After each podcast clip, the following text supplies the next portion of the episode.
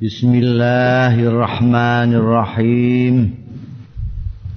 Qala an Abi Hurairah radhiyallahu anhu qala Ngendika sapa sahabat Abi Hurairah kultu matur sapa ingsun ninggune Kanjeng Rasul ya Rasulullah Duh Kanjeng Rasul ini rajulun sabun setuhune kula niku rajulun wong lanang sabun sing tesih nom Wa tesih nom mbak. Ini akhafu lan sedune kula iku akhafu kuwatir kula. Ala nafsi ing atase awak dhewe kula kula kuwatir al anata ing zina. Wala ajidu lan boten manggih kula maing barang atazawwaju bihi. Inggih kawin kula bi kelawan ma anisa ing wong wedok-wedok Wong niku tesih enom. Joko pun kepengin bedal-bedal.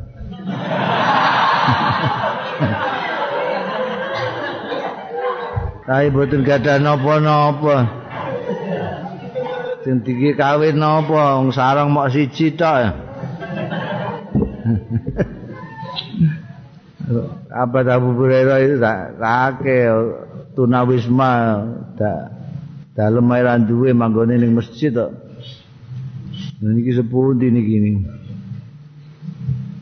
Kawin mboten gadah biaya. Niki pun ngeten.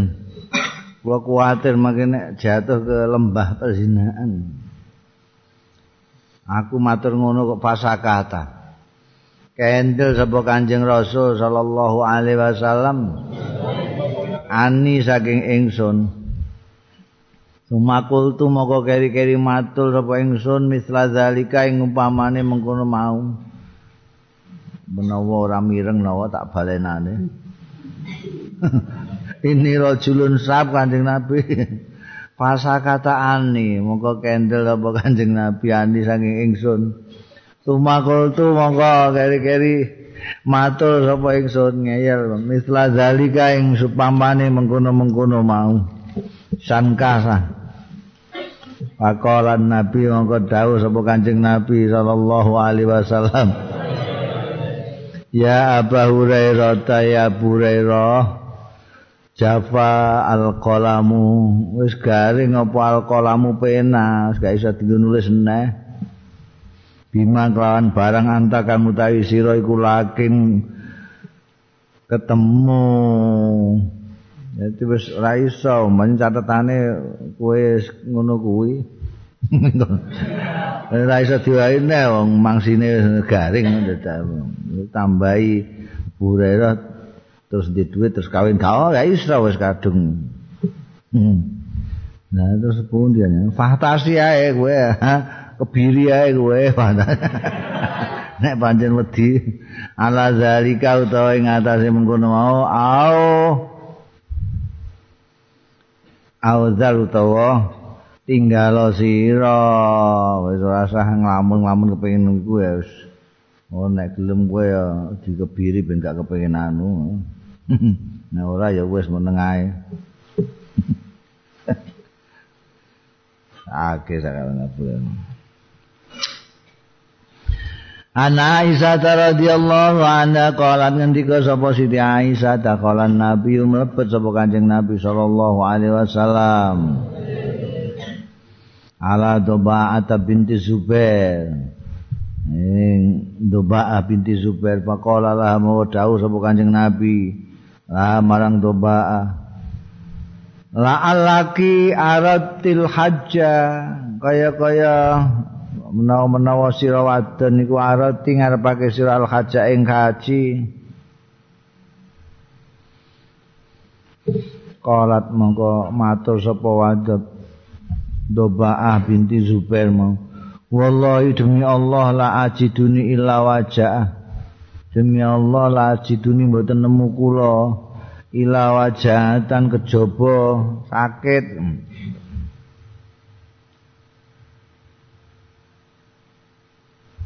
kula niki kok mboten gadahan hambatan napa-napa nek kaji nggih saged ora sakit kula niki. Fakola mongko dawuh sapa Rasulullah sallallahu alaihi wasallam laha marang duba doba binti Zubair mau Huji haji sira wastariti lan nyaratono sira nyarati sepundi? Wa kuli ngucap sira Allahumma Allahumma du Gusti mahili khaitsu habastani panggenan halal kula mangke tahalul kula niku khaitsu habastani sekirane nahan panjenengan ning kula. Artine nek Gusti Allah maringi ra iso apa-apa mergo larane ya wis ning kono aku. Wis ora ihram tahallul wa kanat ana sapa? Doba'a binti Zubair iku tahtal Migdad ana ning ngisor artine garwane Migdad bin Al Aswad ya dadi durung karuan nek lara terus ning gone kono nek mari piye? Kaji mari. Ya luwung dian make kula nek anu ya lara ya leren gampang kadang-kadang pancen keajaiban haji luar biasa ben rombongane Allah yarham Kiai Khalil iku ana wong sing tuwa sing lara. Larane ning pas arep numpak pesawat terbang, wis numpak pesawat terbang, tim dokternya ndak saya ndak bisa tanggung jawab ini kalau pergi ini. Sakitnya keras ya. Wah, itu padahal ambek bojone, bojone nangis ae ku. nangis nganduli Kiai Khalil iku sepundi iki mosok kula berangkat ya Mbak iki sing lanang sing lara Nah, tim dokternya dirembuki main muni ngono ae. Saya ndak tanggung jawab berangkat ya berangkat aja tapi saya ndak tanggung jawab. Kiai Khalil, ya sudah saya yang tanggung jawab. Nuwekat kendel, engko sakake ndelok bojone iki ngangkat. maka tekan kono sehat. Insyaallah. An Jabir bin Abdullah saking Jabir bin Abdullah kala ngendika sapa Jabir kana ana sapa Nabi Kanjeng Nabi.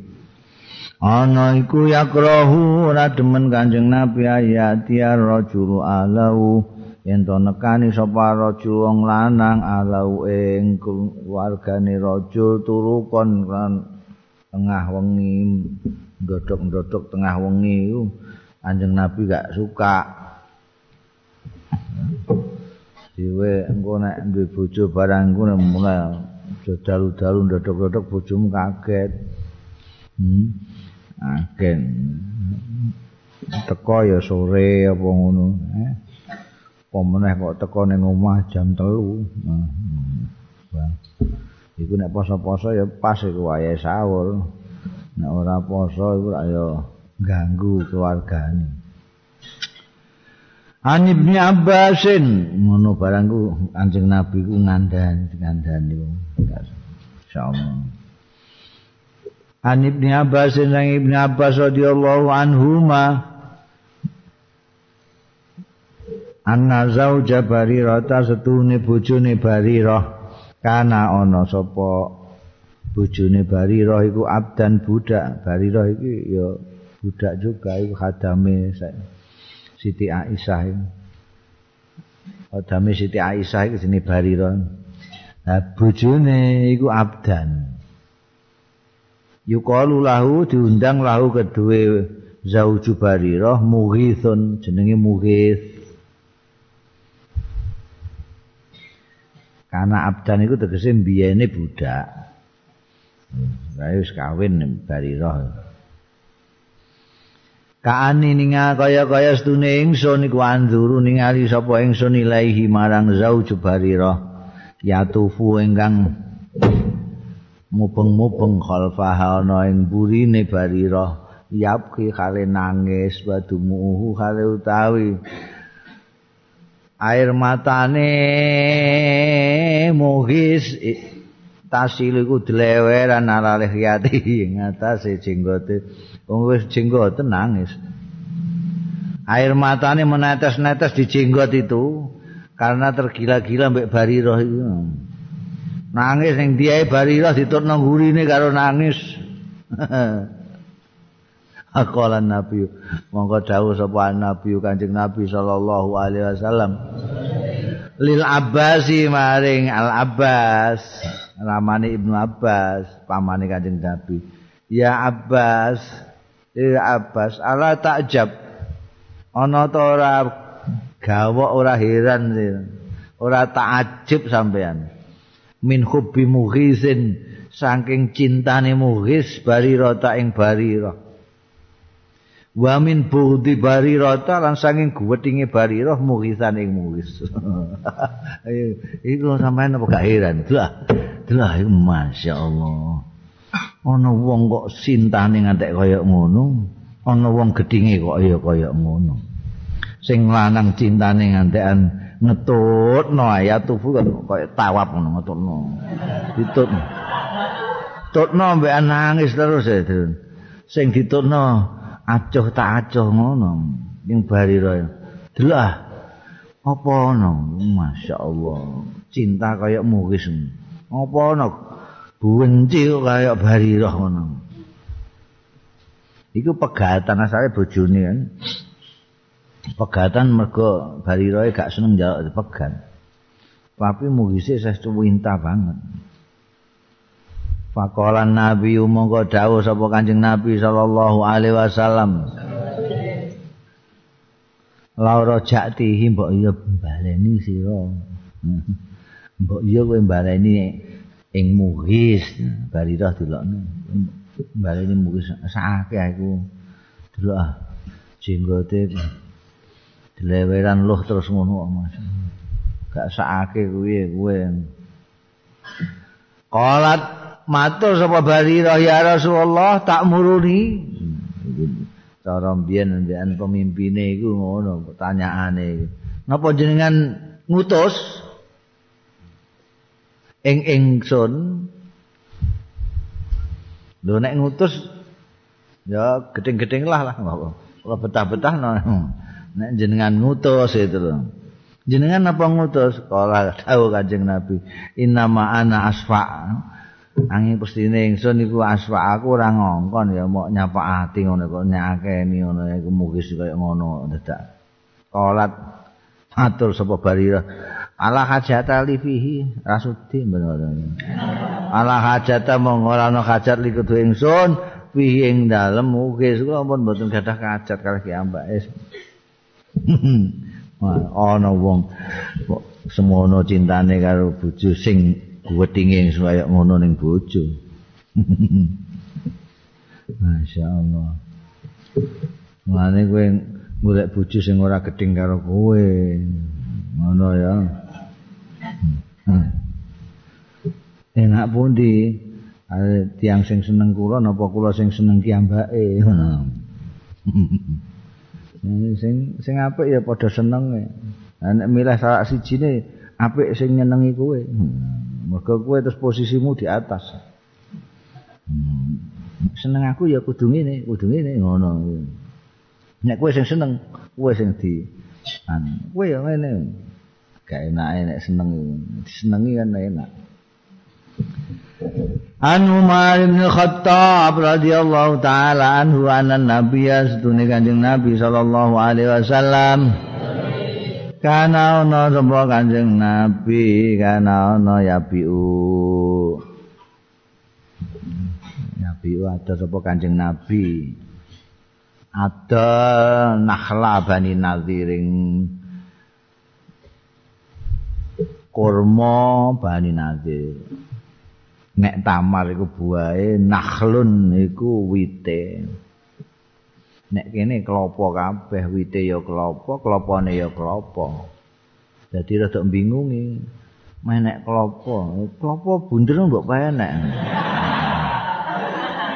lho ning arep gak gak gak bingung.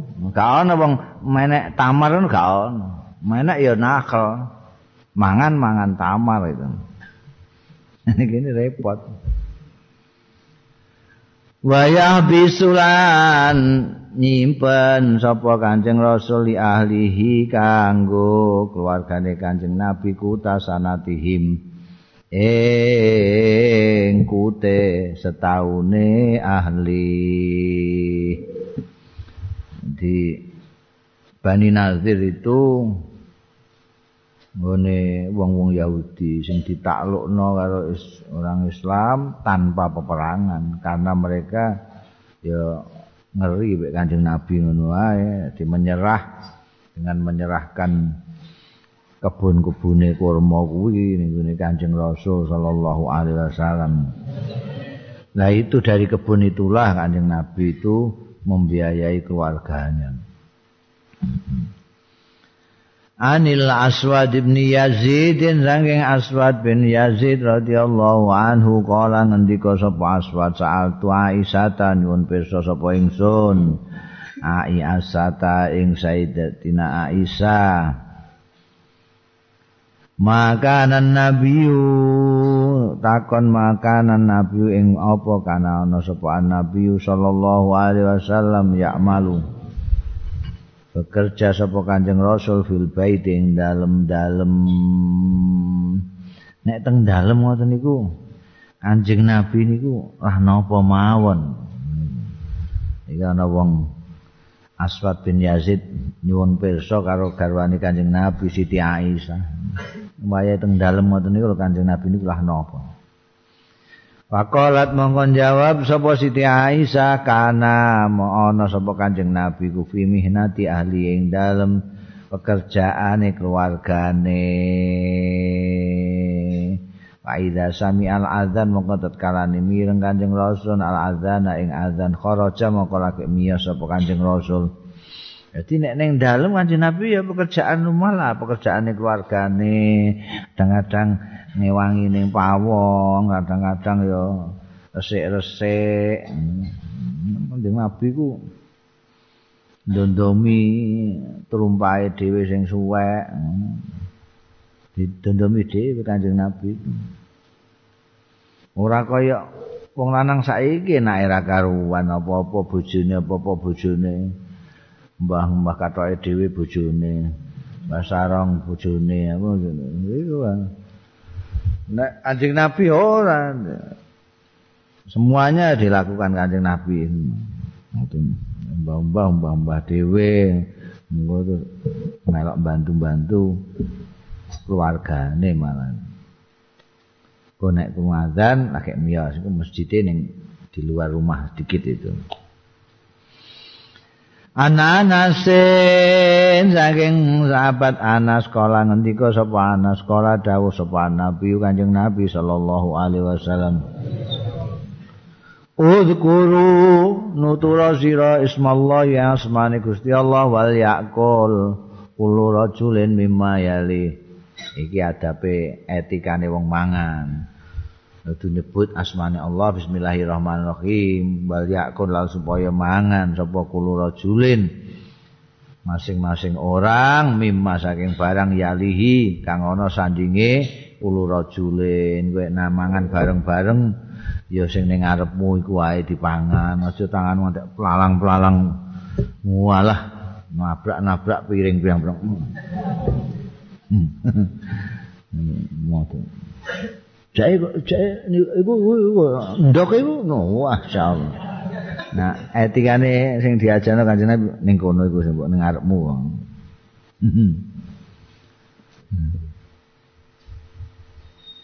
Ah sing tengah jeng kula niki tempe tok ya. Ini mriku ndok ya. Sing di rumah kok ndok, sing tamune kok cedhake tempe, ora payah niki mangkene. Lu critani ae sing di rumah. Mriki niku. Nek suarane bedil sepundi nek tenggen kula niku dok mriku ngene Allah eh maksude dile itu mriki dok itu mereka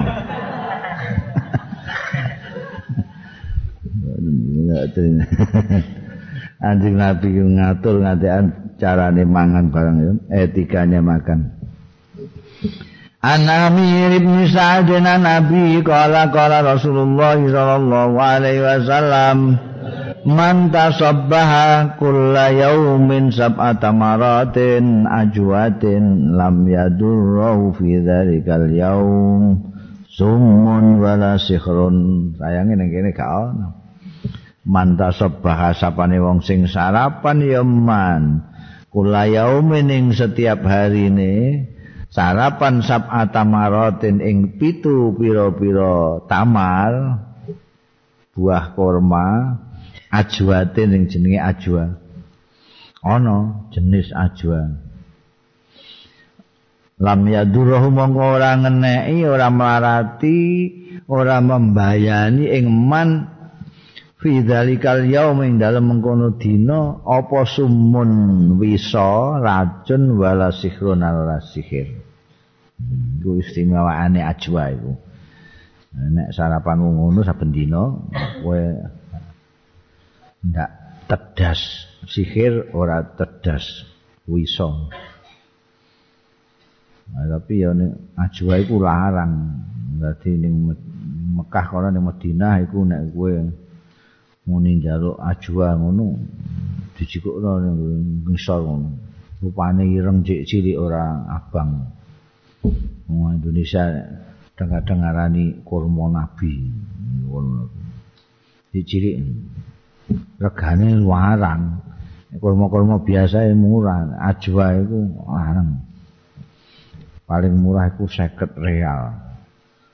50 real sak kilo Ya sing liyane wongso 10 real ngono wis kasil. Anib ni Abbasin, kowe nek titip wong kaji ya titip duwe, sakake nek mbok titipi orang kaya duwe. Bangkrut ini. An Ibni Abbas sang Ibni Abbas radhiyallahu anhuma anan Nabi astune Kanjeng Nabi sallallahu alaihi wasallam Kala ngendika Kanjeng Nabi, akala ahadukum nalikane dahar sapa ahadukum salah siji ro kabeh to aman ing panganan. Palayam sahyadahu aja ngusapi sapa ahadukum yadahu ing tangane ahadukum hatta yal aqwa sehingga ngeleti sapa ahadukum ha ing yadahu auyul ikau utawa ngongkon ngeleti sapa akadukum ing yada. Artine gak mbok gelem ngeleti dhewe ya kon ngeleti kancamu. Ya lho wah nek biyen anjing nabi antri wah antri ngeleti masyaallah ngeleti mbek orang ngeleti kan tergantung wonge sapa mbek sapa ngono. Hmm. Mbek bojone dhewe mosok gak gelem ngeleti. Kan. Jae dik keleti tangan iki. Niati itbak Kanjeng Nabi untuk ganjaran. Padahal bar mangan cumi-cumi. Masyaallah, amise ra karuan kon ngleti. Ane kanjeng Nabi dari kurma siti, ane siti ngono. Ora pati kotor. Mangan ngene, masyaallah. Wambel terong jambelan masyaallah. Tangane guwe paling.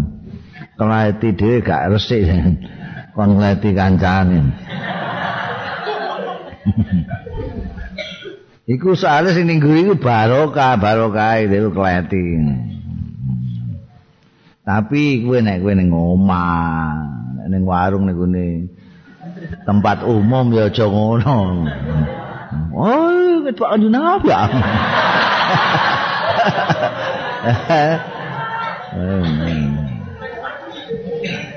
Anabi Salabata. Saking Abi Salaba Al-Hushani Al-Hushani saking Kala ngendika Abi Salaba Al-Hushani kultu matur sapa ingsun ya Nabi Allah Duh Kanjeng Nabi inna bi ardi kaumin stune kita iku bi ardi kaumin ana ing tanah kaum ahli kitab. Ahli kitab niku tenggene anu jare teng Amerika mboten ahli kitab kabeh. Afana kulu Angka ana ta mangan kita fi aniyatihi mono ing wadai ahlu kitab kaum. Wa bi ardi saidin lan kita nggih nate niku tegene tanah buah buruan pengalas tanah buruan. Asidu kula mburu bikausi kelawan jemparing kula wa bikal bilan kelawan asu kula aladzi laisa bimuallamin kang Mboten nonton ya ladzi kalbi ku bimu alamin terdidik ana asu iku sing mualam sing diwarai iso kaya ten apa kaya asune polisi ngene kae iso diwarai kongkon mlayu-mlayu kongkon jikuk tongkat jikuk tongkat kongkon jikuk balung jikuk balung niki mboten laisa mobil alamin wa bi kalbi kula beto asu loro Tae bi al muallami sing terdidik sing diajari. Fama yasluhuli mongko niku napa yasluhu sing patut li kangge kula. Nek tengene negarane wong ahlu kitab kula niki napa kenging mangan ngangge piringe ki ambake. Kali nggone kowe meh ning restoran ya mesti nganggo piringe wong anu. segala macam sepundi ini. Nah, nek berburu, kula niku berburu nggawa asu loro, sitoke asu dereng diajari, sitoke pun sing diajaran iku. Niki sing angsal sing pundi sing mboten angsal sing pundi. Kala dawuh sapa Kanjeng Rasul sallallahu alaihi wasallam, Amma ma zakarta notini barang kang nutur sira min aniyati ahli kitab saking wadai ahli kitab fa in wajatu mongko lamun nemu sira kabeh ghairoha lamun nemu sira kabeh ghairoha ing liyane aniyatu ahli kitab fala tak kulu mongko aja mangan sira kabeh fiha ing dalem aniyatu ahli kitab. Wa ilam tajidu mongko lamun ora nemu sira. Faksiluha mongko ngumbao sira ha ing aniatu ahli kitab. Wa kululan mangano sira fiha ing dalem aniatu ahli kitab. Perhatikan itu. Jawabannya kanjeng rasul sallallahu alaihi wasallam sangat bijaksana sangat bijaksana sangat mendidik sangat memberi jalan keluar ya Kaiso. Betah-betah no, lesu ya Allah no. Iku ati Pak babi barang ada ngono kuwi. Ane nabi ka. Yang ini ya nek wadahe wong ahli kitab iku kowe nggawa duwe adah dhewe apa ora. Nah nek kowe ndek adah dhewe aja kowe nganggo adahmu ae. Tapi nek gak ono, Ya bagaimana lagi? Ya wadai wong ahli kitab itu dikumbah. Nggo mangan kowe gak apa-apa. Jadi ya. Bama sita mengutawi barang sing berburu sira bikausika kelawan jemparingmu mau fadzakarta. Mongko nutur sira nutur sira ismallahi ing asmane Allah alaihi ing atase buronmu. Fakul mongko mangano sira. Bismillahirrahmanirrahim. Udah mbok panah jret kenek udah dimakan. Wa masitta bikal bika ana dene barang. Wa mau barang sita kang berburu sira bikal bika kelawan asumu al muallim al muallami sing wis diajari Fadzakarta ismallah menutur sira ismallah ing asmane Gusti Allah alaihi ing atase masitta. Fakul mongko mangano sira. Oh. Nah iku pancen asumu sing asu belajaran iku mau ya udah. Angger kowe buronmu iku wacana bismillahirrahmanirrahim. Sudah halal itu. Wa masitta bikal bika. Ana dene buron sing mburu sira bikal bika kelawan asumu sing ghairil muallam sing ora mbok ajari sing gak pelajaran. Fa adrakta mongko nututi sira zakatahu ing nyembelih masita pakul mongko mangano sira dadi apa jenenge buruan itu ditangkep karo asumu sing ora asu buron. Angger kowe iso nututi terus mbok sembelih buruanmu itu kijang apa e, kelinci sempat mbok sembelih ya enggak apa-apa makan lah.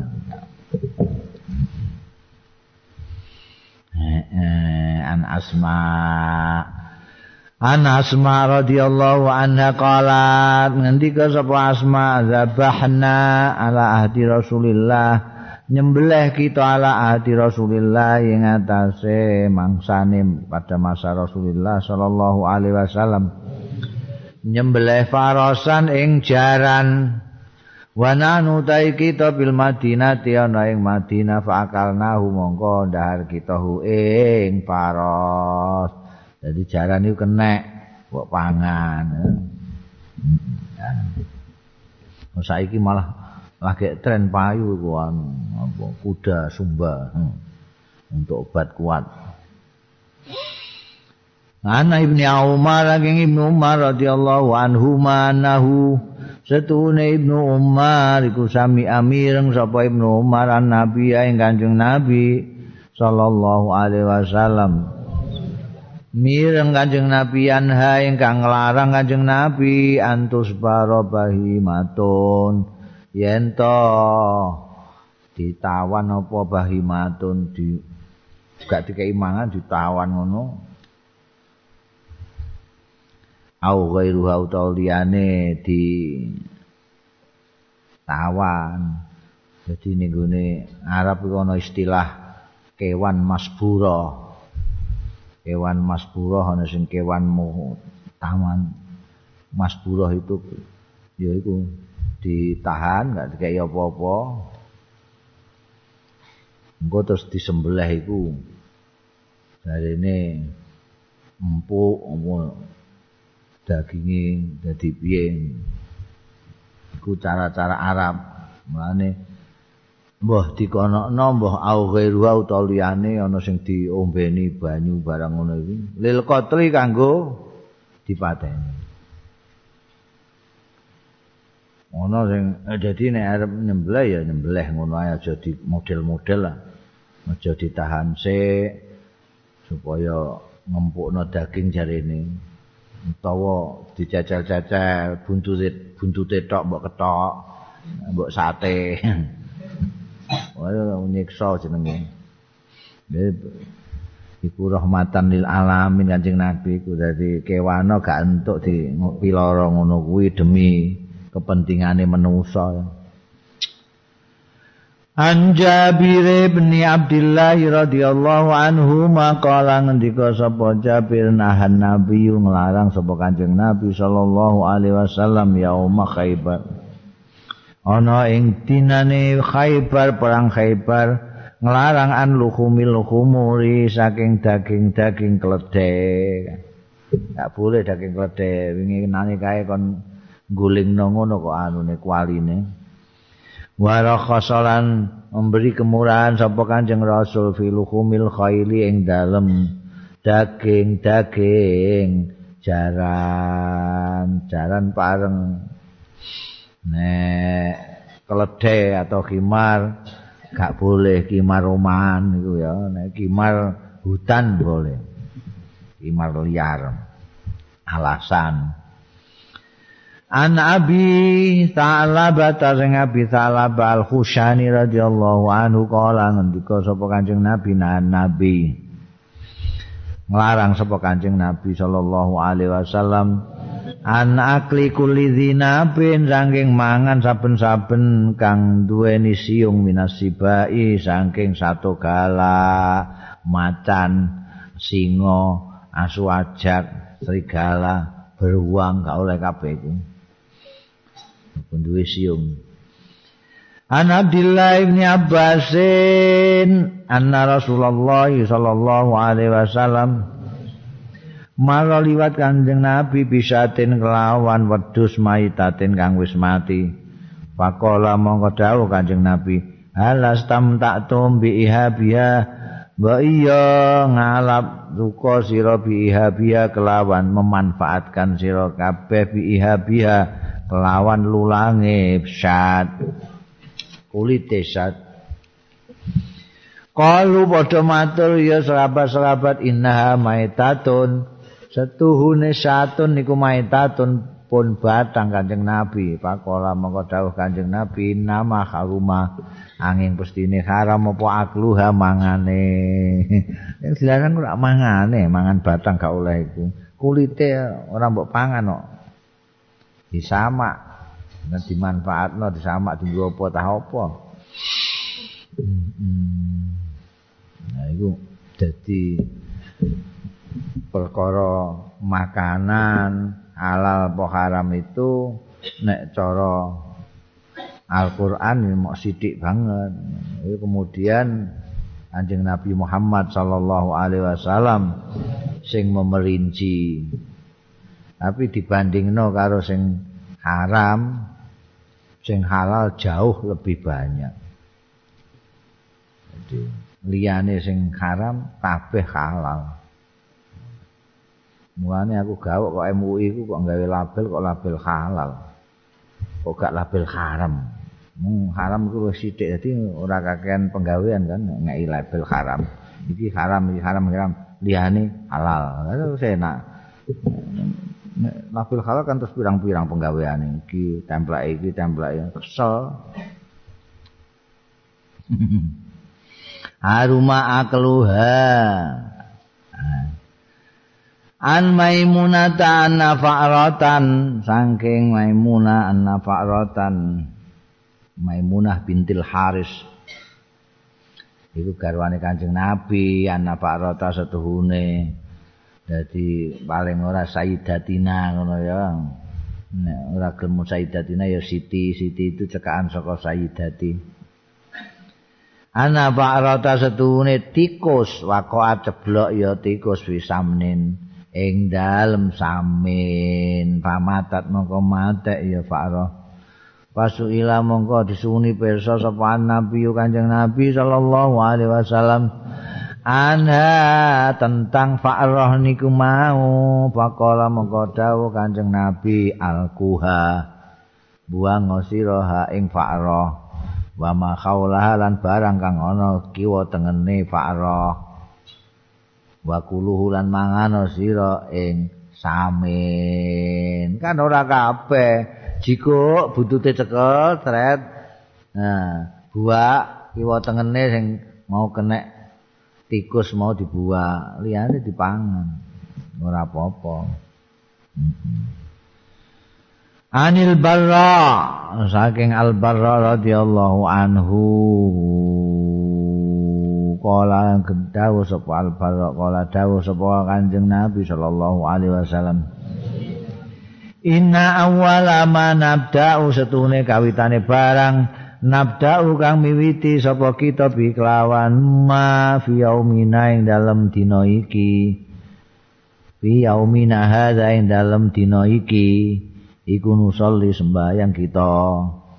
Gini gini bodoh idul adha maksudnya pas idul adha iki apa yang harus kita lakukan pertama kali di hari idul adha? Yang pertama-tama kita nusolli salat Idul Adha. Tumanarji'u mongko kari-kari bali kita panan haru mongko nyembelih kita. Ya wedhus apa sapi ya apa. Jadi carane kudu ngono sembayang sik lagi korban. Man fa'ala usapane wong sing nindakake ya man hu ing ngene iki awalu manabda'u bi Hadza summa narji'u wa nanhar. Jadi fa'ala man fa'ala usapane wong sing nindakake ya manhu ing mazkur. Ngene mau fakot asoba mongko teman-teman beneri sapa man sunnatana ing sunnah kita. Jadi nek pas Idul Adha kok kowe sembayang sik, bar sembayang Idul Adha terus lagi mulih nyembelih wedhusmu. Iku mengikuti sunnahnya Rasulullah sallallahu alaihi wasallam. Tapi nek waman utawi sapane wong zabaka sing nyembelih qablu sadurunge salat bareng mau. Dadi ah engko ben karek bar sembahyang karek mangane cah. Tak sembelih sik. Wa man dzaba paning sembelih qablu sadurunge salat. Fa inna ma huwa angin pestine huwa ya sembelihane iku lahmun merupakan daging qaddamahu sing mempersembahkan yaman hu ing lahem li ahli kanggo keluargane. Kanggo keluargane man laisa minan nusuk ora ana iku minan nusuk termasuk korban termasuk ibadah nusuk fisaiin ning apa-apa aku korban ya korban apa wedhus kapan tak nyembelih mau sak durunge sembayang wae gak iso. Gak iso. Nah jenenge korban iku kudu nyembelih sak wise salat. Nek sak durunge salat ya biasa kowe mayoran dhewe mbek anu keluargamu ngono wae. Nyembelih wedhus. Gak ana hubungane karo ibadah korban. Ana Aisyah saking Siti Aisyah radhiyallahu anha anan Nabi astune Kanjeng Nabi sallallahu alaihi wasallam dakhala alaiha man mabet ya kanjeng nabi alaiha ing atas siti aisyah wa hadat. Lan men sapa siti aisyah bisarifin ana ing sarif. Sarif iku daerah di luar kota Mekah Qabla antat khula Makkah ta sadurunge yen to mlebet ya Siti Aisyah Makkah ta ing Makkah. Nek Madinah Arab ning Mekah itu sebelum masuk Mekah ada kota namanya Sarib. Itu ada tempat namanya Sarib. Di situ itu Siti Aisyah bulanan M. Sarib melbu Mekah M. Wahya utawi Siti Aisyah iku tapki nangis Siti Aisyah. Mas ado-ado kan kene kok M. Pakola mengkondangu sapa Kanjeng Rasul sallallahu alaihi wasallam malaki anafisti iku apa lagi kedua sira wadon anafisti ana to em sira? Olat matur sapa Siti Aisyah na'am nggih kanjeng Nabi Kala dawuh kanjeng Nabi aja mbok tangisi nah hadza setune iki iku amrun perkara kata Allah sing wis menentukan ing amrin sapa Allah Gusti Allah ala banati Adam ing atase anak-anak wedoke Nabi Adam putu-putu wedoke Nabi Adam Fakti ma yakdil had mongko nekanono sira wadon maing barang yakti kang nekani sapa al haju wong sing haji. Ghaira Allah tatufi mung wae yen ora tawab sira wadon bil baiti ana ing Baitullah. Wis lakon kabeh. Aku ning gune Arafah ning dindi tapi aja tawaf anggere ora tawaf menang Malam makun nabi muna, malam makuna bareng ono kita kabeh bimina ono ing mina. Mina itu satu sakwise Arafah itu ya, jadi kene Mekah kan muter ngono. Arafah nggon wukufe terus mlaku melewati Musdalifah Musdalifah nginep terus tekan Mina nek mbok terus rene engko tekan Mekah neh Nah, ning Mina iku ata itu uti itu bareng ning Mina. Mina iku pekerjaane wong haji nek ning Mina pekerjaane balang jumroh karo nyembelih atur-atur apa dam apa korban wise apa jenenge?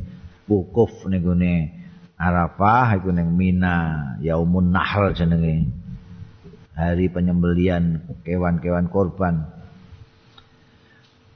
bareng tekan ning Mina utitu ditekani sapa ingsun dipanu diaturi lah bilahmi bakarin kelawan daging sapi wah ning kono iku ning Mina masyaallah nek musim haji Daging pokoknya blokek-blokek kowe. Daging iku tak arat-arat. Kadang-kadang ada gak dipangan jalan-jalan iku sempol pirang-pirang masyaallah. Wa qultu mongko ndika sapa ingsun mahadza iku apa hadza utahe iki? Iki apa iki? Ana daging sapi iki apa? Kalu padha jawab sapa wong-wong doha korban sapa Rasulullah Kanjeng Rasul sallallahu alaihi wasallam an azwajihi saking garwa garwane Kanjeng Rasul bil bakori kelawan sapi. Kanjeng Nabi korban sapi. Korban tas nama istri-istrinya jadi korban itu nek ngono kena di sing sing korban melok mangan kena. Jadi daging korban itu sepertelon dihadiahno, sepertelon disedekahno, pertelon dinggo dhewe oleh. Ngono ya. Bedane apa sedekah mbek sedekah? Sedekah iku diwehno sing fakir miskin. Nek hadiah iku pikir cek ora niku diparingi. Biasane kiai-kiai zaman kuno iku sing fakir miskin diadai dikirimno mentahan daging-daging-daging itu langko sing sepertelon iku dimasak terus diundangno wong-wong sing kira-kira nek disedekahi ra pantas tapi perlu untuk bisa bersama-sama bergembira dalam hari Id. Mulane iki terus diteri Anjing Nabi nyembelih ning gone ana panggonane dhewe ning gone Mina iku tempat nyembelih. Wah, semacam ning kono kowe meh golek unta sing piyae, sapi sing piyae, wedhus sing kaya apa ae ana kabeh. Karek mbok didingi regane semene terus serahno jagale sembelih jret. Apa iki dibedheti apa ora? Mbok serahno ndekne apa mbok godhe muleh niku. Nah, eh An Abi Bakrata saking Abi Bakrah radhiyallahu anhu anin Nabi sallallahu alaihi wasallam. Annahu setune Kanjeng Rasul iku kala dawuh Kanjeng Rasul Az-zamanu pidato Kanjeng Nabi Az-zamanu tawi zaman. Qadistadara teman-teman berputar ya zaman kahaiti yaum kaya kahati yaumi khalaqallah. Ana kaya dene tingkae dina nitahake sapa Allah as-samawat wal ard ing langit-langit lan bumi. As-sanatu tawi setahun iku isna asyara syahron iku rolas wulan. Minha iku setengah saking isna asyar syahron arbaatun hurum patang wulan sing suci-suci. Salasun telu saka sing papat suci iki mutawaliyatun nuli-nuli. Ya kuwi Zulqa'dah wa Zulhijjah wal Muharram. Iki nuli-nuli langsung Zulqa'dah Zulqa'dah selo besar sura nek cara Jawa. Cara anu Zulqa'dah Zulhijjah Muharram Sing keempat warob jabu mudor. Wong Arab ngarani rojab iku ora rojab tok tapi rojabu mudor. Kena apa di idofahno ning gone suku mudor, mergo suku mudor iku sing paling fanatik ning gone kesuciane bulan rojab. Gune wulan Dzulhijjah, Muharram barang dene saya kadang-kadang gelem perang tapi nek rojab blas ora gelem mane rojab disebut rojab mudhar Alladzi baina Jamad wa Sya'ban sing antarane Jumadil akhir Rajab luah. Jumat iki Jumadil akhir maksudnya wa Sya'ban lan Sya'ban. Rajab di tengah-tengah Jumadil akhir dengan Sya'ban. Iki dawuh Kanjeng Nabi ayu syahrin hadza? Utawi apa bulan hadza iki? Iku bulan apa hadza utawi iki? Ngono ya kena iki bulan apa? Kulna matur sapa kita? Allah wa rasuluhu a'lam. Tai Gusti Allah lan utusan Gusti Allah niku a'lamu langkung pirsa. Mestine sahabat ya pirsa. Cuma biasanya Kanjeng Nabi nek ndangu ngono kuwi ada sesuatu ini hanya mukadimah dari pembicaraan sebersta itu. Karena itu tidak berani mereka jawab. Nanti aja-aja beda karo kesane Kanjeng Nabi. Mulane lebih andap asor kalau mereka jawab Allahu wa rasuluhu a'lam. Gusti Allah lan utusanipun ingkang langkung pirsa Kanjeng Rasul.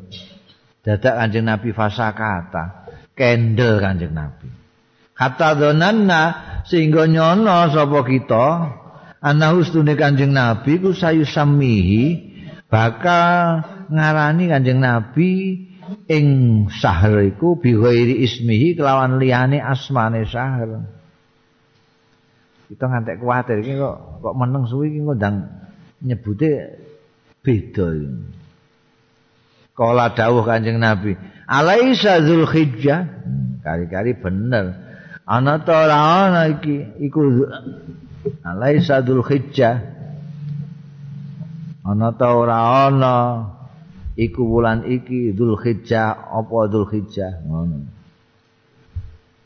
Ya, nak Zulhijjah leh nek cara Rembang ngono leh. Nak Zulhijjah leh. Kulna jawab para sekabat-sekabat, "Bala inggih Kanjeng Rasul Wendul Hijjah waya kaji. Kala dawuh Kanjeng Nabi Ayu baladun hadza? Iku iki negeri ndi hadza utawi iki? Iki negeri apa iki Ya saudara kabeh iki negeri apa? Tapi matur kulna matur kita. Allahu ta'ala Gusti Allah wa Rasuluh lan utusane Allah iku alamu ingkang langkung pirsa pasakata moko kendel kanjeng nabi hatta donanna sehingga menyono sapa kita ana usune kanjeng nabi sayu samihi bakal ngarani kanjeng nabi ing balat iki diarani bighairi ismi kelawan liyane asmane balat dadaan kala ngendika kanjeng nabi alaisal baladata ana ta ora ana Balat iki iku al baldata. Iki rak baldah to iki. Baldah iku jeneng nama lain dari Makkah. Dulu-dulu namanya Baldah terus Makkah. Bakah juga. Macam-macam jenenge Bakah Makkah. Ini jenenge Baladul Baldah. Negerinya negeri. Itu Mekah. Lah iki baldah to kulna matur kita bala inggih kan. Fa ayu yaumin hadza mongko iku dina apa iku? Kulna matur kita Allah wa rasuluhu alam. Utai Gusti Allah lan utusane Gusti Allah iku alam langkung pirsa. Pasakata mongko kendel Kanjeng Rasul hatta dzananna sehingga ngira kita. Anaus tune Kanjeng Rasul sayu sami bakal ngarani Kanjeng Nabi. Ing yaum bi ismi kelawan liyane jenenge yaum. Kala ngendika Kanjeng Nabi Alaisa yauman nakhra ana ta ora ana dina iki. Iku yauman nakhri dina nakhr. Iki dina nakhr to. Kulna bala matur kita kabeh bala inje kanjeng Nabi. Wah itu ternyata benar kanjeng Nabi ameh ngendikan itu hanya mukadimah saja.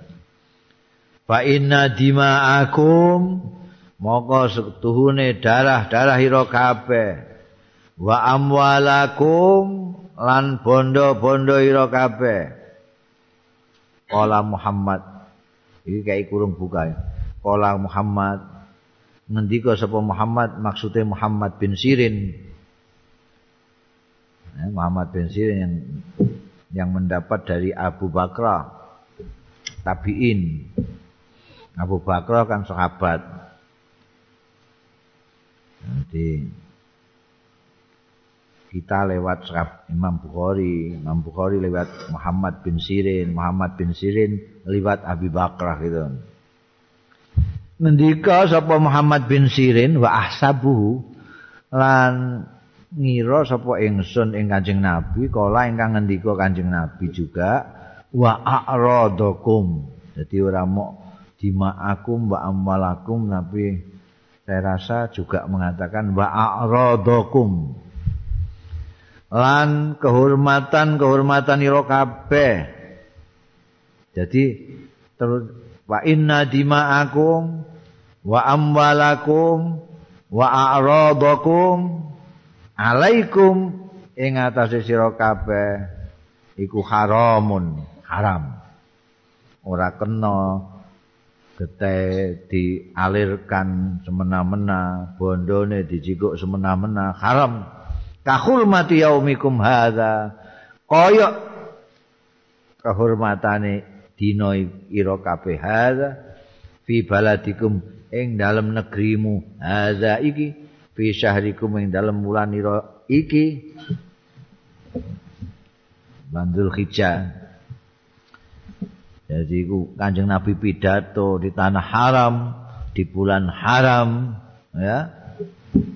Di hari haram.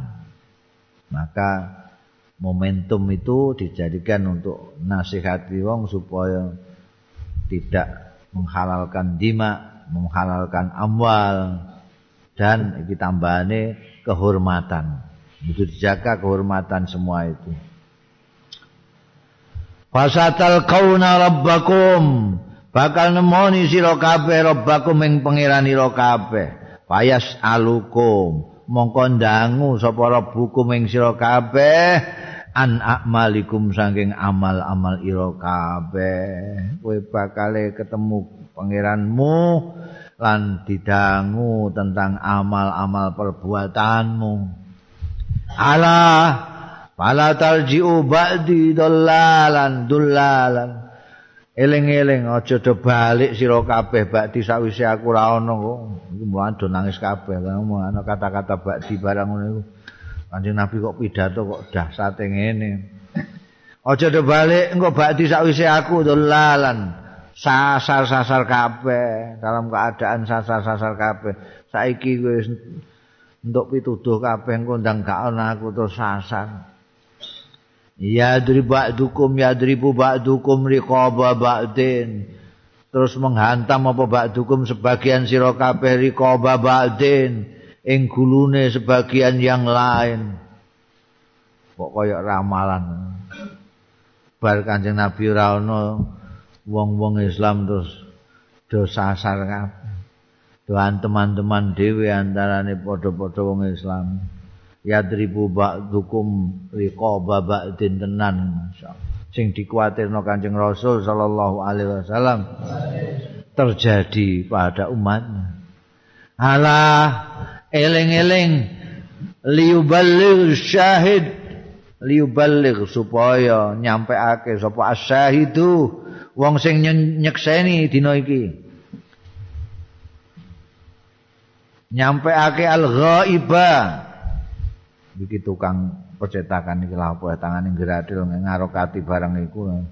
Mangsane aku gak ngerti nahwu nabi liuballigh syahid al ghalib al ghaib sing ora hadir. Sing hadir nyampe apa sing tak dawuhno iki ning sing ora. Hadir Fala Allah ba'daman mbok menawa-menawa sebagian wong yablughu sing sampe ing ba'duman ayakuna yen to ana iya. Ba'duman iku awa luweh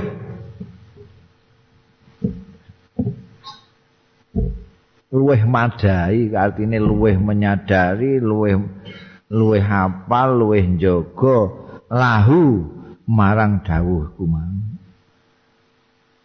mimba diman tinimbange sebagian wong sami ahu sing krungu ya man ing dawuh.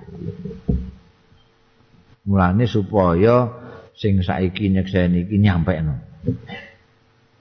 boleh jadi bisa saja sing ora teka dikandani karo sing teka iku malah sing dikandani ngguri iki luwih njaga dawuhku tinimbangane sing ngandani si A melok ngrungokno Kanjeng Rasul ning gone pidato iki disampaikan ning B sing ora hadir iki seringkali kadang-kadang si B iki justru lebih nanjem lebih ingat dawuh iku timbangane si A.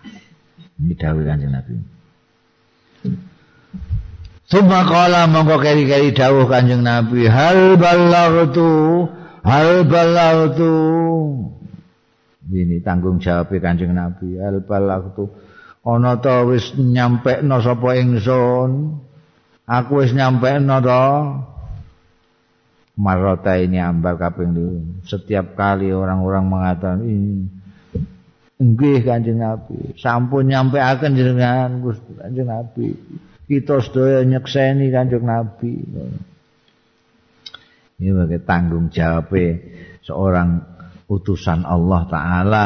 Apakah apa yang diperintahkan Allah untuk disampaikan kepada umat sudah disampaikan apa belum? Kanjeng Nabi minta persaksiannya umat apakah saya sudah menyampaikan? Apa yang harus saya sampaikan? An Aliyin radhiyallahu anhu saking Sayyidina Ali radhiyallahu anhu annahu setuhune. Sayyidina Ali ku atarawuh sapa kan Sayyidina Ali ala babir rahabah ana ing lawange halaman halaman ning nggone Kufah mergo Sayyidina Ali mbiyen ning Kufah Kufah itu ning daerah sebelah selatan Irak. Saiki mbah potongane kaya apa ning ya Allah. Zaman aku rono iku indah sekali itu Kufah itu. Hmm. Benanune kan Sayyidina Ali salat subuh. Sayyidina Ali malah ning halaman Rahbah bimain kelawan ngasto banyu. Fasariba mongko ngunjuk sapa Sayyidina Ali kok iman hale jumeneng jumeneng kudu Faqala mongko ngendika sapa Sayyidina Ali inna nasan setune wong-wong iku yakrahu ora seneng gedeng sapa akaduhum salah sijine nas. Ayas roba yen ngombe sapa akadum bahwa kale utahi akadum iku kok imun ngadeg.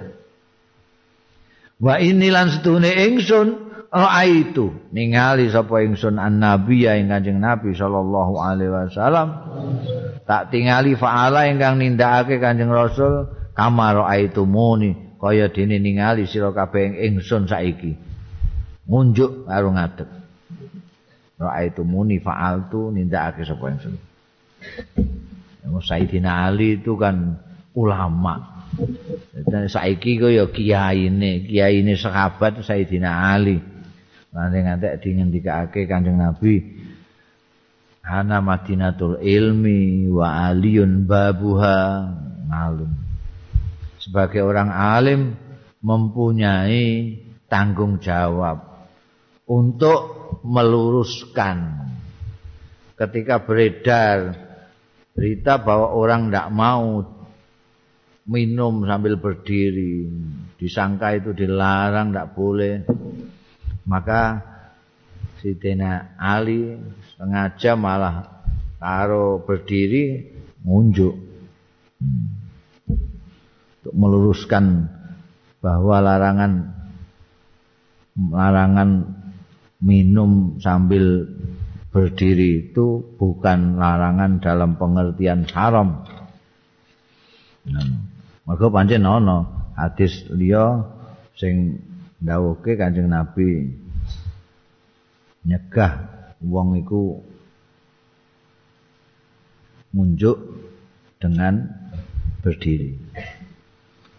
Mane terus ulama-ulama jadi berbeda pendapat mengenai bagaimana sih sak benere ngombe karo ngadeg iku oleh apa ora. Nek ndelok iki jelas oleh. Jelas. Mane Imam Syafi'i juga ndikakno nek oleh ngombe karo ngadeg kuwi. Lah ana sing kandha jarene hadis Sayyidina Ali iki dinasah karo hadis sing nglarang wong ngombe karo ngadeg. Ora bener. Mergo nasuh itu kalau tidak bisa digabungkan.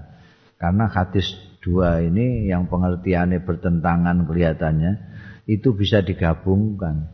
Jadi yang larang di sana itu diartikan ya rapik ngono ae. Lah sing iki hadis Sayyidina Ali diartikan boleh. Boleh. Jadi ora apa-apa kan. Ora apa-apa. Jadi nek ana mubalek-mubalek ngombe ning dhuwur podium ya gak apa-apa. Ngono ngadeg iku. Hmm. Anu kadang-kadang gak gelem balik dikai ngombe gak gelem. Mergo ya iku engko kuwatir nek haram. Mergo gak gak tau tumon hadis Sayyidina Ali iki. Hmm, nek tumon kabeh ya ngadeg ya gelem linggih ya gelem. Enake ngerti akeh rak ngono kuwi. Imbangane ngerti sithik. Sing kaco iku nek ngerti sithik terus pentantang petenteng. ngamuk ning kono ana ngadeg ngombe ngadeg terus diwamuk. Potonganmu lu gak ngerti ngono. Kali-kali ana hadis iki. Ana ya. An Nabi Hurairah radhiyallahu anhu qala ngola ngendika sapa Abu Hurairah nahang larang sapa Nabi Kanjeng Nabi sallallahu alaihi wasallam. Anisur bisa ke ngunjuk min famis siqai sangking cangkeme kendi. Aku iki kanthi sikok iku wal girbati lan girba jadi tempat minum lah tempat minum. Girba itu kadang-kadang wong Arab itu apa jenenge? Wedhus iku. Aku ndelok nyembelih wong wedhus iku. Wedhus disembelih iku ora kok terus dicentelno terus disiset-siset. Enggak. Ditaleni. Nggon sikil-sikile taleni terus dibolongi suwebul melendung gitu melendung terus diantemi puk puk puk puk puk. Engko terus di larik iku iso metu dagingnya surut terus lulange melompong melompong. Lah iku mbekan Wong Arab iku sing bagian sikil papat ditaleni kabeh dijehno sing bagian gulu. Bagian gulu iki mulutnya girbah itu. Oh, ini banyu barang itu tidak dicentelno ning gone truk. Nek biyen ya dicentelno ning gone unta. Kena angin itu semua adem banget. Ngomben-ngomben. Nah, Lah nek sing jenenge kendi itu ora kaya kendi kene. Kendi kene ana cucuke barang.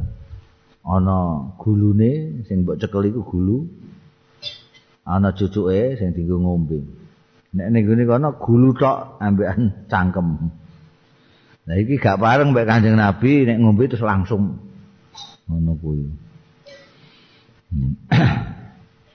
Nek cara kene biyen aja dicucup ngono nek ngombe gak oleh dicucup nglonggo saiki wis gak usum menawa ngombe apa jenenge ngombe nganggo kendi arang-arang? Wis gak ono. Mbiyen niku anggere omah ngarepe iku ana kendine telu mbah papat ngono. Disediakno kanggo wong liwat-liwat iku nek ngorong terus ngombe. Saiki wis ora ana ngono kuwi. Wis ora ana mikir wong barang wis ana mikir awake dhewe ae ngantek botak. Ora ana mikir padahal ini itu bagus ini budaya kita itu. Budaya kendi kendi itu kan kok tanah. Isine air jadi tanah air. Itu budaya itu saiki silang jadi ora pati patriot wong saiki gak mikirno tanah air kendi ae gak gelem nyimpen. Heeh gak entuk nyucup pokoke. Wa ayyamna ar-rajul wa ayyamna lan nglarang kanjeng nabi ento nyegah sapa ar-rajul wong lanang jarahu ing tanggane rajul ayu riza yento nyublekno ya jarahu khosabahu ing kayu-kayune. Nek khosabahu kayu-kayune. Nek khosabatan kayu. Ya, beda. Khosabah jamake khosab. Jadi nek khosab tanpa tak iku jamak. Nek khosabah mufrad. Nek khosabahu kono ora ana titike kayu-kayune jaru fidarihi ing dalem omahe rajul. Iki mung sing ilhami wong Jawa. Berapa jenenge berbuat baik kepada tonggo kepada anu iki Kanjeng Nabi nglarang ana wong terus nglarang apa tanggane meh nyublekno patok nggo pemeane gak oleh cubuk-cubukno kono ora ganggu dikne ora apa kok gak oleh Oh, itu ganggu pemandangan. Mana ganggu pemandangan. Kok bakhil ya ngono tanggane mau nyublekno sithik ae kok gak oleh. Biyen iku nyediakno minuman wong Jawa iku. Wong Jawa biyen sumur mesti ning ngarep omah. Soale nyediani, jadi sumur itu ning omah ini. Ini diparo loro. Kene sing di omah, sing sebelah kene timbone kanggo wong liwat. Wong liwat pengen ijik. Wong liwat kan kepanasan, pengen raup. Nah, itu kok sediane. Saiki wis gak ono. Sumur ning kene dalan. Sumure sanyo kabeh. An Nabi Hurairah radhiyallahu anhu kala ngendika sapa Abu Hurairah sami tumireng sapa ingsun Rasulullah yang Kanjeng Rasul sallallahu alaihi wasallam Yaqulu ingkang ngendika Kanjeng Rasul la yadkhula ahadan amaluhu la yudkhil la yudkhila. La yudkhila ora bakal nglebokno sapa la la yudkhila ora iso ngelbokno ahadan ing seseorang. Apa amaluhu amale ahad? Ora iso ngelbokno al jannata ing swarga. Jadi kowe aja gemblelengan ja ngendel-ngendelno ngamalmu posomu hebat salatmu hebat ora iso. Ndak iso ngamali wong ngelbokno ning swarga ora iso. Kalau do matur sekabat-sekabat wala anta ya Rasulullah? Kan mboten juga akad niku mboten juga jenengan ya Rasulullah do Kanjeng Rasul. Jenengan nggih mboten saged ngamale nglebokno teng swarga. Kala dawuh Kanjeng Nabi bala ana. Juga tidak saya ora ingsun illa ayata ghammadani kejaba yen to ngreksa ing ingsun sapa Allah Gusti Allah bi fadlihi kelawan anugrahi Allah wa rahmatihi lan rahmati Allah Jadi sing nglebokno wong ning swarga itu rahmate Gusti Allah. Welase Gusti Allah. Ora kok ngamale. Lah sing diwelasi Gusti Allah sapa? Sing manut Gusti Allah. Ngono. Eh ora manut diwelasi lah apa? Ngono, sing diwelasi. Jadi ini diteliti. ora kok ngamalnya itu sendiri tetapi rahmati Gusti Allah Kanjeng Nabi dhewe mengakui bahwa saya pun tidak kecuali Gusti Allah pancen ngrahmati aku ngrekso aku maringi fadl berkah. Mulane terus pundi kita niki Kanjeng Nabi? Fasadidu wa qaribu. Ngepas-ngepas no sira wa qaribulan marek-marek. Incer. Nek iso ya pasno tengah nek ora ya parek-parek ngono lah. Kowe gak iso pas betul dengan sing dikesake ya parek-parek. No ya aja sama, sama sama sekali kowe ora ngepas-ngepas kita itu wajibannya ngepas-ngepas walat yatamannayan na ahadukum. Lan aja mengharap temenan sapa ahadukum salah siji ro kabeh al mauta ing mati. Gusti mbok pejahi mawon kula aja. keng napa? Imma muhsinan. Ana kalane ana sapa ahadukum iku muhsinan. Itu sing gawe bagus. Fala allahu mbok menawa-menawa ahadukum iku ayas dada yen tambah-tambah ya ahadukum khairan ing baguse wa imma musian ana kalane ana hadukum iku musian gawe Allah fala Allahu mbok menawa-menawa ahadukum iku ayas tak tiba. Yen to njaluk ridho Gusti Allah alias tobat kowe aja ngarep-ngarep mati. Mergo kowe gak ngerti. Umpamane kowe apik sapa ngerti? Umurmu yang kesana itu menambah-nambah kebaikanmu. Aku lo elek, nek elek sapa ngerti nek kowe dikai umur panjang terus kowe tobat ning gone Gusti Allah. Nek mbok angen-angen dadi mulane jalukan niku njaluk supaya tetep bisa nambah-nambah kebaikan kita. Kowe dungane kok aslih lana dinana ladzi wa ismatu amrina iku warane Kanjeng Rasul waslih lana dunyana allati fiha ma'asuna wa aslih lana akhiratana allati ilaiha ma'aduna.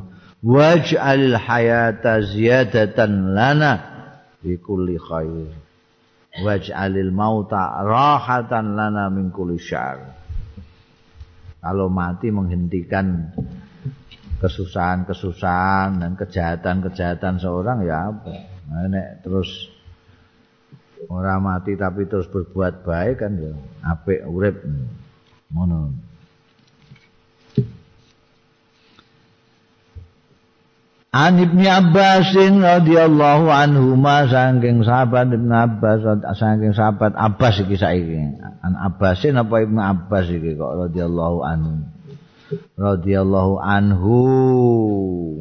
Nek Abbas radhiyallahu anhu nek Ibnu Abbas radhiyallahu anhuma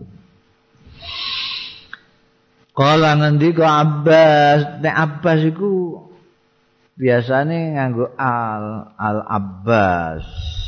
Pamane Kanjeng Nabi nek putrane iku gak nganggo. Kira-kira iku kurang ibnu ngono.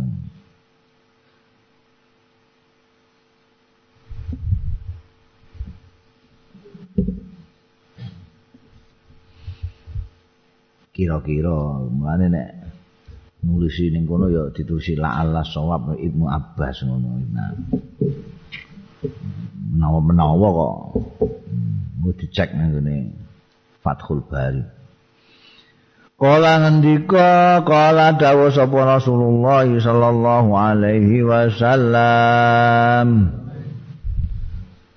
Asyika asyifa fi thalathatin utawi kesembuhan iku fi salasate ning dalem telu.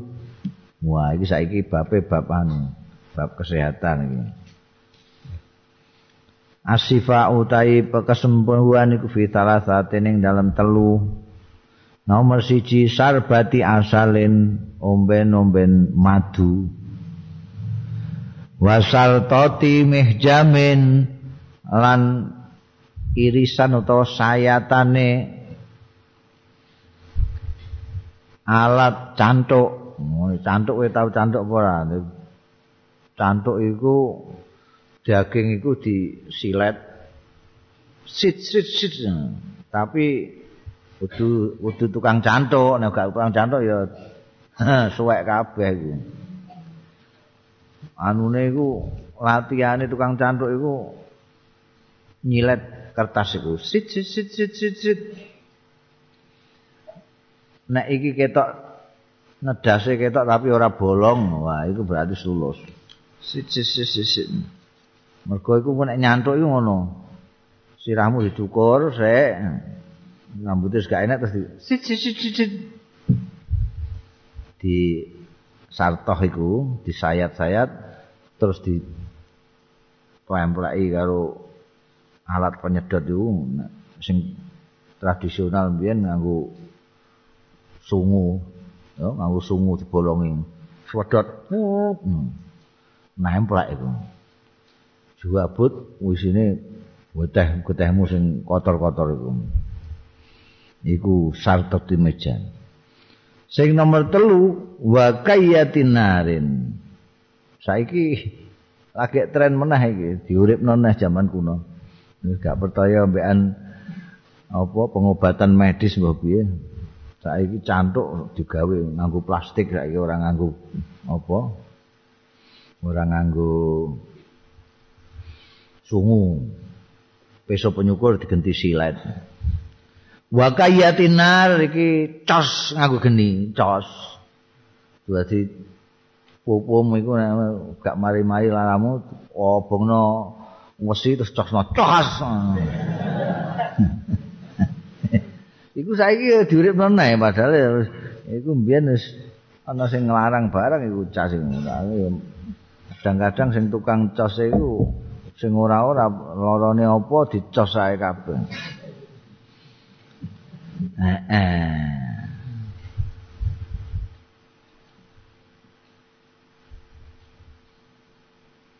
Wa anha lan nyegah sapa ing senumati ing umat ingsun anil kayyi saking kai. Yo dilarang mek Kanjeng Nabi gak oleh. Dalis apa? Hmm, rafa'a ngrafa'ake sapa Ibnu Abbas al hadis ing hadis ngati Mas Pun. Jadi Ibnu Abbas itu misnadno ning gone Kanjeng Rasul sallallahu alaihi wasallam. Madu. Jadi saiki loro arek cantuk karo Iku kok ana wong saiki kok murid-murid kayu nah iku mbah piye sekarang dilarang kok Kanjeng Nabi. An Ibnu Abi Hurairah kok An Ibnu Hurairah iki apa letak kesalahan cetak itu di sini. Ibnu niku mencolot rene. Ibnu sing ning dhuwur iku lho, mesine An Ibnu Abbasin mencolot ning kene. Dadi An Ibnu Abi Hurairah. Ana piye anak Abi Hurairah wong kawin ae orang. Emeh kawin gak njaluk Atbis Kanjeng Nabi wis kaso kongkon kebiren ngono kok. Jadi saiki wis ora ala-ala jelas iku. Dhuwur Ibnu Abbas ngisore aku. Iku dikai Ibnu Abbas iku ibnune iku ning ngisor Ibnu Abi Hurairah ibnune dibulun bunder terus dicret para ana mendhuwur. An Abi Hurairah radhiyallahu anhu annahu sami'a annahu zatune Abu Hurairah iku mireng Abu Hurairah Rasulullah yang Kanjeng Rasul sallallahu alaihi wasallam. Dipireng yakulo ingkang ngendika Kanjeng Rasul fil habbatis sauda. Iku ing dalem habbatis sauda sifaun utawi penyembuhan mingkul lidain saking segala penyakit. Ilas sama kejaba kematian. Berarti dahsyat itu semua. Kala Ibnu Syihab Ibnu Syihab yang bawa hadis dari Abi Hurairah ini. Dika sapa Ibnu Syihab wasamu tawi sam iku al mautu mati. Wal habbatu sauda utai khabatu sauda iku asunyez jinten ireng? Jinten ireng?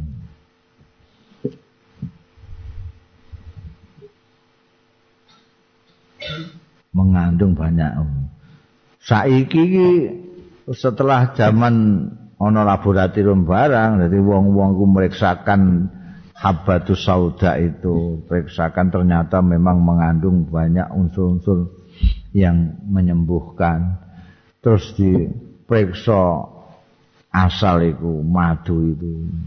Wareng ternyata memang apa yang kata Rasulullah Shallallahu Alaihi Wasallam. Dari sisi medis memang benar. Terus ya kuwi terus tangan-tangan industri terus mulai digawe saiki obat-obatan yang terdiri dari habatus sauda ambekan madu beredar ning dindi ana sing rupa pil ana sing rupa cairan macam-macam ayu terus ditulisi bareng. Hadis kadang-kadang nggo mayokno iklan iku.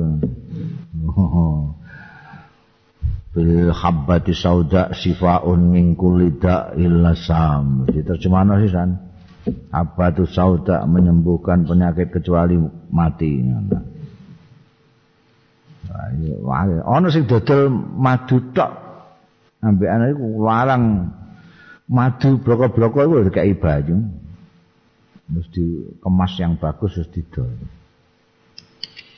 Ya. Madu itu sing paling bagus iku madu kurma ajwa. Madu itu kan tawon mangani kembang-kembang. Nek sing dipangan iku kembang klengkeng, engko madune madu klengkeng, rasane kayak klengkeng. Madu kapuk rasane kayak kapuk. Nah, nek madu iki mangane khusus bunga kurma kurma ajwa nah iku uh warange ra karuan takok ning gone nek ning gone Madinah iku ana bakul madu segala macam madu ini ana madu siji ku sing tak takokne gak dijawab ambekan sapa jeneng. Bakule gak jawab takon. Aku mangkelku gak karuan. Lho, iki didol apa gak? Takok yo. Ijeh meneng ae. Bareng aku ngeyel terus kan dikandang. Telung ewu real, kluyur-kluyur. Dene dari wis wis wis ngira iki wong iki wis ra kuat tuku takok-takok bareng. Hon. Masyaallah. Iku nek tekan gone Indonesia ning ngampel Surabaya terus regane terus pirang yuta iku. Hmm. Masyaallah. An Abi Hurairah radhiyallahu anhu qala, aku ya tau nyolong nyolong madune Bung Karno. Wah, aku biyen dadi koordinator penjemputan apa panitia ngurmati Bung Karno ning Timur Tengah. Saya jadi mahasiswa ning Mesir dari koordinator. Kamar kamarku ning hotel ku ya jejeran karo kamare Bung Karno wong aku. Dadi nek ana apa-apa tak delok sik bahaya apa enggak. Iku ana kiriman kok Raja Faisal ning gone Bung Karno. Wah. Sak durunge wis krungu madune Bung Karno iku luar biasa lah. Oh, aja meneh kok diombe. Wong ngidaki ngono ae iso intisar. Oh, oh, tertarik itu jadi kalau tulisannya itu tak buka dilak itu tak buka engko gampang tak pasang neh. Dalam sing roh ae. Itu madu ditunjuk ngene iki, tangan iki gak nempel, Bang. Madu gak nempel. Kene itu gak iso. Jadi news AN. Mati dhewe tenan iki apa madu ini ngono. Madu ne bungkan. Masya Allah. Biar um, terkenal Bung Karno mulane charming terus agah terus juni pirang-pirang. Mergo madu kirimane Raja Faisal.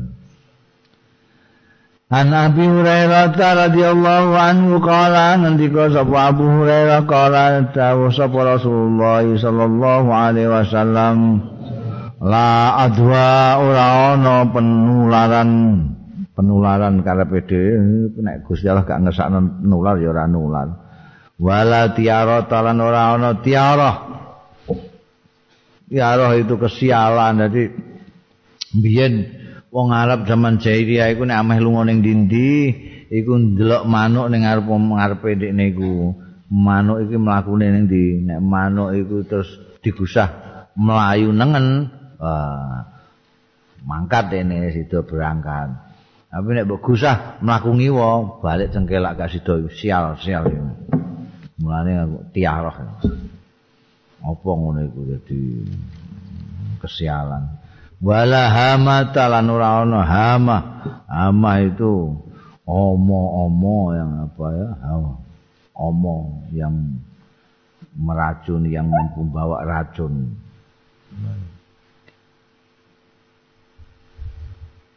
Ora ana wonten ngoten kok. Iya, tapi yang berbahaya bukan hamahnya, tapi Allah yang menjadikan berbahaya. Wala safara lan ora ana safar. Maksude iki padha karo wong Jawa, nek wong Jawa ora safar, tapi sura, Muharram. Wong wong Jawa iku akeh sing gak gelem digawe sura, gak gelem. Lunga-lunga ana sepi, nek sura sepi. Mergo jarene nek sura iku akeh bahaya. Akeh bahaya. Bencana-bencana iku sura. Dadi aja kawin barang aja wae sura. Nek kene. Nek ning gune Arab sapar. Sapar. Lha iku mbek kanjeng Nabi ditolak semua. Ora ana iku. Maksude ora ana penularan ora ana hama ora ana tiarah ora ana sapar. Semuanya Allah taala Nek Gusti Allah ora ngesakno ketularan ya ora kowe mbok kumpul gulet karo anu ya gak ketularan. Wa firran mlayu sira minal majzumi saking wong sing kena lepra kamata firu kaya dene mlayu sira minal asadi saking singa. Ana sing lho. Dik mau jarine wala udwa ora ana wala adwa iku kan ora ana ora ana tular menular. Lah iki kok wong kon mlayu saka wong sing kena lepra. Iki ana sing jawabi ora ngono. Wong lepra itu sudah sangat-sangat menderita. Mergo lepra iku tangane abang, abang-abang suwe terus protol-protol. Dia ada drijine prata ngono. Iku nek kowe cedak-cedak ndekne, nek gak mlayu kowe tengok-tengok nang kono. Ndekne tambah nelongso. Ya Allah, iku wong iku kok awake kok utuh. Drijine utuh, kile utuh aku kok mreteli saben dina. Ngono. Mulane terus kowe kon ngedo ya ado sing ado. An Nabi Juhaifata radhiyallahu anhu radhiyallahu anhu kala ngendika sapa Abu Juhaifa faraaitu. Iki mesti asale ana hadis. Ujug-ujug kok faraaitu. Pancen iki dipotong dari hadis yang sebetulnya panjang. Awitane hadis iki raaitu Rasulullah sallallahu alaihi wasallam fi kubbatin hamra. Mana terus Faro itu bilalan durunge ana. Mongko ningali sapa ingsun bilalan ning Bilal. Jaa teka sapa Bilal bi anzatin bi anzatin kelawan tongkat pendek. Faro kaza mongko nancepno sapa Bilal ha ing anaza anzam sumaka koma mongko keri-keri komat sapa Bilal as-shalata ing sembayang. Jadi sak durunge sembayang nancepno sik ning ngene kono nancepno tongkat pendek iku terus lagi. Wa Allahu akbar Bilal penggaweane pancen azan karo komat. Faro itu mongko ningali sapa ingsun Rasulullah ing Kanjeng Rasul sallallahu alaihi wasallam. Tak tak tingali kharaja ingkang miyos Kanjeng Rasul fi hillatin musammiran ing dalem pakaiane musammiran kale menyingsingkan. Cincing-cincingan di lem apa mensingsingkan iku apa jenenge? Ini apa bahasa Jawa ini menyingsingkan menyingsingkan lengan baju. Hmm? mingkis mungkin ya mungkin aku suwe ora ning tanah Jawa. Mingkis mungkin samiran. Pasal lah mongko salat sapa Kanjeng Rasul ini ing rong rakaat ilal anazah. Ilal anzah mau menuju ke ke arah tongkat pendek sing ditancep mon mau. Jadi kiblate si kono kene ditancepno kene mbekan bilang eh salate madhep iku. Waro aitu lan ningali sapa ingsun annasa ing wong-wong wadawab balan binatang-binatang ku yamuruna ternak-ternak iku yamuruna do liwat ya nas lan dawab.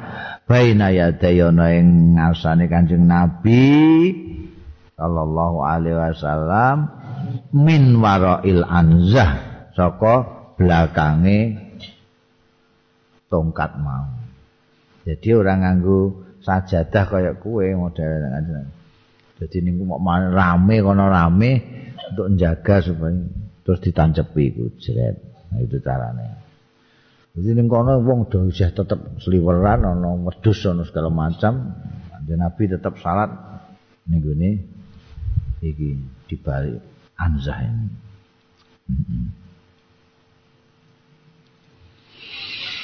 An Uqbah ibni Amirin saking Uqbah bin Amir radhiyallahu anhu qala ngendika sapa Uqbah bin Amir uhdiya?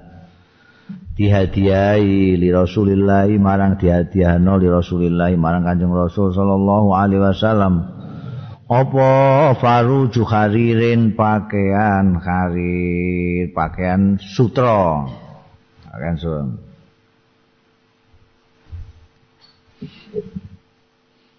Jadi apa jenenge?